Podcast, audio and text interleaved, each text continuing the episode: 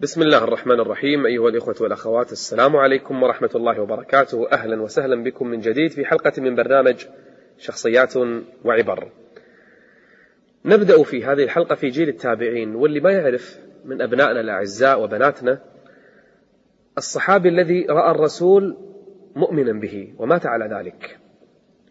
والتابعي الذي لم يرى الرسول لكنه رأى صحابي اللي رأى الصحابي يسمى تابعي. مؤمنا بهذا الدين ومات على ذلك. وتابع التابعي نفس الشيء. ما رأى صحابي لكن رأى تابعي يسمى تابع التابعي. هذه طبقات. أهل العلم وزعوها حتى يعرف الإنسان هذا متى عاش وفي أي حقبة عاش. هذا التابعي الجليل الفقيه العالم العابد اسمه عطاء ابن أبي رباح. يمكن على البعض اسم جديد لكن اسم مشهور في كتب أهل العلم. والفقه. هذا العالم العابد كان مملوكا عبدا حبشيا آه، كان لو رأيت إلى منظره ربما ترأف لحاله. كان مملوكا لامرأة في مكة. وكان يقسم وقته ثلاثة أقسام. قسم يخدم يعني سيدته وقسم يتعبد فيه ربه. وقسم يطلب فيه العلم عند ابن عباس وعند فلان وعند فلان. يطلب العلم عند أكابر الصحابة. هو ما شاف الرسول لكن شاف الصحابة. فكان رضي الله عنه ورحمه الله يطلب العلم في جزء من وقته. من الذي تعجب منه؟ سيدته. مالكته تعجبت من أمره. فلما رأت حرصه على طلب العلم والعبادة أعتقته لوجه الله عز وجل. فكان بإذن الله عز وجل لها نصيب من الأجر. أعتقته لوجه الله وإذا به يجتهد في طلب العلم وإذا به يسيح في طلب العلم ويجلس عند العلماء لأنه قبل ما كان حر كان يطلب العلم فكيف لما صار حرا؟ كان فراشه المسجد عشرين سنة. في المسجد يحفظ ويطلب العلم ويتلقاه. يلبس ثوبا قدره خمسة دراهم. بلغ فيه العلم أن جلس الناس حوله يتلقون منه في الحرم. كل الناس يجلسون عنده. كل طلبة العلم يتلقون منه. من عطاء ابن أبي رباح رحمه الله ورضي الله عنه. هذا الرجل كان يجلس له حلقة يومية. في الصباح في الظهر في العصر في الليل والطلبة حوله. والله جل وعلا يميز الناس. شفت هذا المملوك؟ شفت هذا الفقير؟ شفت هذا المسكين؟ له منزلة. أعظم من الملوك والخلفاء. ليش؟ قل هل يستوي الذين يعلمون؟ قل هل يستوي الذين يعلمون والذين لا يعلمون؟ إنما يتذكر أولو الألباب. فجأة يوم من الأيام عطاء جالس في أيام الحج. طبعا الناس في الحج يسوون؟ هذا يسأل وهذا عن المناسك وهذا أو وقع في خطأ وهذا عنده لبس في الحج وكل الناس تسأل والناس حوله. منو كان في الحرم يطوف؟ الخليفة سليمان بن عبد الملك. من وياه عيال اثنين. كانوا يطوفون حول البيت. عيال سليمان بن عبد الملك أولاده يشوفون من بعيد رجل كل الناس يسألونه. كل الناس يلتفون حوله. لما انتهى سليمان الخليفة ابن عبد الملك من الطواف توجه مسرعا إلى عطاء. يبي يسأل عن الحج. شوف حتى الملوك وحتى الخلفاء وحتى الرؤساء محتاجين للعالم يسألونه. هذا شيء ما يشترى بالمال. هذا شيء تذهب فيه بنفسك. فذهب سليمان بن عبد الملك وشق الصفوف حتى وصل إلى عطاء فوجده يصلي. وإذا بسليمان جالس عند الخليفة يجلس عند من؟ يجلس عند عطاء. ينتظر. ينتظر وأطال عطاء السجود وأطال الركوع وأطال الصلاة وكان عابدا. وكان خاشعا في صلاته.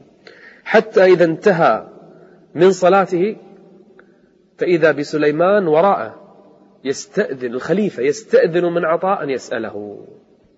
فالتفت إليه عطاء وقال سل ما بدا لك ما تكبر عليه وما ترفع عليه. لأن سليمان كان متواضعا معه. فإذا به يسأل وعطاء يجيب. يسأل وعطاء يجيب. يسأل وعطاء يجيب. فإذا بالابناء بابني سليمان متعجبين شنو هذا اللي اللي أبونا جالس عنده؟ وحال حال الناس يسأل. فلما خرج الأولاد يسألون أبوهم من هذا؟ قال الأب هذا عطاء. ابن أبي ابن أبي رباح سيد قومه. يا بني تعلم العلم فإن العلم يسود صاحبه. يا بني تعلم العلم. يعني الأب الخليفة يقول حق عياله تعلموا العلم. شوفوا شو إحنا محتاجين للعلماء. تعلم العلم.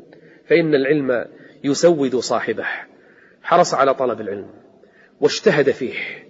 وكان زاهدا عابدا. الخلفاء كل ما جاء خليفة يروح يطلب من عطاء بن أبي رباح أنه يصير شنو؟ يصير زميله يصير صاحبه يصير جليسه.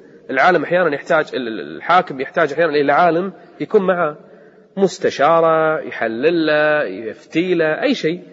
وكلما جاء خليفة يطلب من عطاء عطاء لا يلتفت إليهم أصلا. هذا الرجل الفقير المسكين اللي لو شفته يركب على حماره ولو تشوف جبته ولو تشوف عمامته تضحك عليه. وترأى في الحالة شنو الفقير المسكين؟ هذا الخلفاء يتمنون مصاحبته. الخلفاء يتمنون مصاحبته. ليش؟ العلم اللي في صدره. يرفع الله يرفع الله الذين آمنوا منكم الذين آمنوا منكم والذين أوتوا العلم درجات درجات يرفعهم الرب عز وجل. درجات يعليهم على الناس. هذا عطاء. ابن أبي رباح. اسمع إلى قصته مع الخليفة هشام ابن عبد الملك. أحد الناس يتكلم عنه وعن أبيه. يقول جئت مع أبي إلى دمشق. نريد الخليفة هشام بن عبد الملك. كان في عهد الخليفة هشام بن عبد الملك. يقول فرأينا رجلا يمشي على حمار رث الهيئة مسكين عليه جبة قديمة وعليه عمامة. رجل يكسر الخاطر يعني شيخ كبير كبير في السن. يقول رأيته فذهب أبي إليه يسلم عليه. قلت له من هذا؟ قال هذا عطاء بن أبي رباح. هذا سيد التابعين. عطاء بن أبي رباح. فقال الرجل لعطاء قال أتدخل معي إلى الخليفة؟ هذا الرجل يبدش على الخليفة عنده حاجات عنده طلب. قال إيش رأيك تدخل معي؟ يعني مثل الواسطة مثل الشفاعة. قال أدخل معك. فدخل عطاء بن أبي رباح مع الرجل إلى هشام بن عبد الملك. الحين تخيلوا عطاء العالم العابد الزاهد اللي معروف عند الخلفاء والناس كلهم. دخل مع الرجل على هشام بن عبد الملك. فقال هشام بن عبد الملك الخليفة قال يا عطاء سلني حاجتك أي شيء تبي قول. فقال له يا هشام يا هشام إن أهل الحرمين مكة والمدينة هم من نصروا نبينا هم من حملوا الدين هم من حملوا راية الإسلام هم من حفظوا هذا الدين وهم من فعلوا وما فعلوا. فالله الله في أرزاقهم والله الله في مؤنهم. والله الله. فقال هشام بن عبد الملك لك ما تريد. فنادى وزيره وقال أعطي أرزاقهم يعني معاشاتهم في سنة مقدما من الآن. قال لك حاجة ثانية؟ قال نعم لي حاجة ثانية. قال ما هي؟ قال أهل الحجاز وأهل نجد. هم أصل العرب. وهم الذين نصروا النبي وهم الذين فعلوا وهم الذين فالله الله فيهم. قال لك ما تريد. يا حاجب يا وزير أعطهم أرزاقهم معاشاتهم لا تظلم أحد فيهم. ثم قال له لك حاجة بعد؟ قال نعم. قال أهل الثغور اللي مرابطين على حدود دولة الإسلام تركوا أهليهم وأولادهم لولا هم لأوتينا من قبل الأعداء. فالله الله فيهم واعطهم من الصدقات ما يكفيهم ويكفي أهلهم. قال يا وزير افعل وأمر بالعطاء لأهل الثغور. قال لك حاجة أيضا؟ خلاص ما بقى أحد. قال نعم. قال ما تريد؟ قال أهل الذمة. الآن قاعد يوصف اليهود والنصارى اللي عايشين. شوف الله أكبر. قال أهل الذمة لا تكلفوهم فوق ما يطيقون. إياكم إياكم أن تجعلوا عليهم طاقة ما يتحملونها. فإنهم يدفعون ما يعني نكفلهم به. فقال لا بأس وأمر بهذا. قال لك حاجة بعد هذا؟ قال نعم. قال ما هي من بقي خلاص. قال يا هشام اتق الله في نفسك. فإنك تعيش وتموت لوحدك وتدفن لوحدك وتلقى الله وحدك وتحاسب على عملك. وأخذ يذكره حتى بكى هشام بن عبد الملك. شوف عزة العالم. خرج عطاء ابن أبي رباح فأمر هشام بن عبد الملك بصرة فيها مال أن يعطاها. فأسرع الرجل العامل إلى عطاء. قال له هذه من أمير المؤمنين. قال ما هي؟ قال هدية لك. فدفعها عطاء وقال وما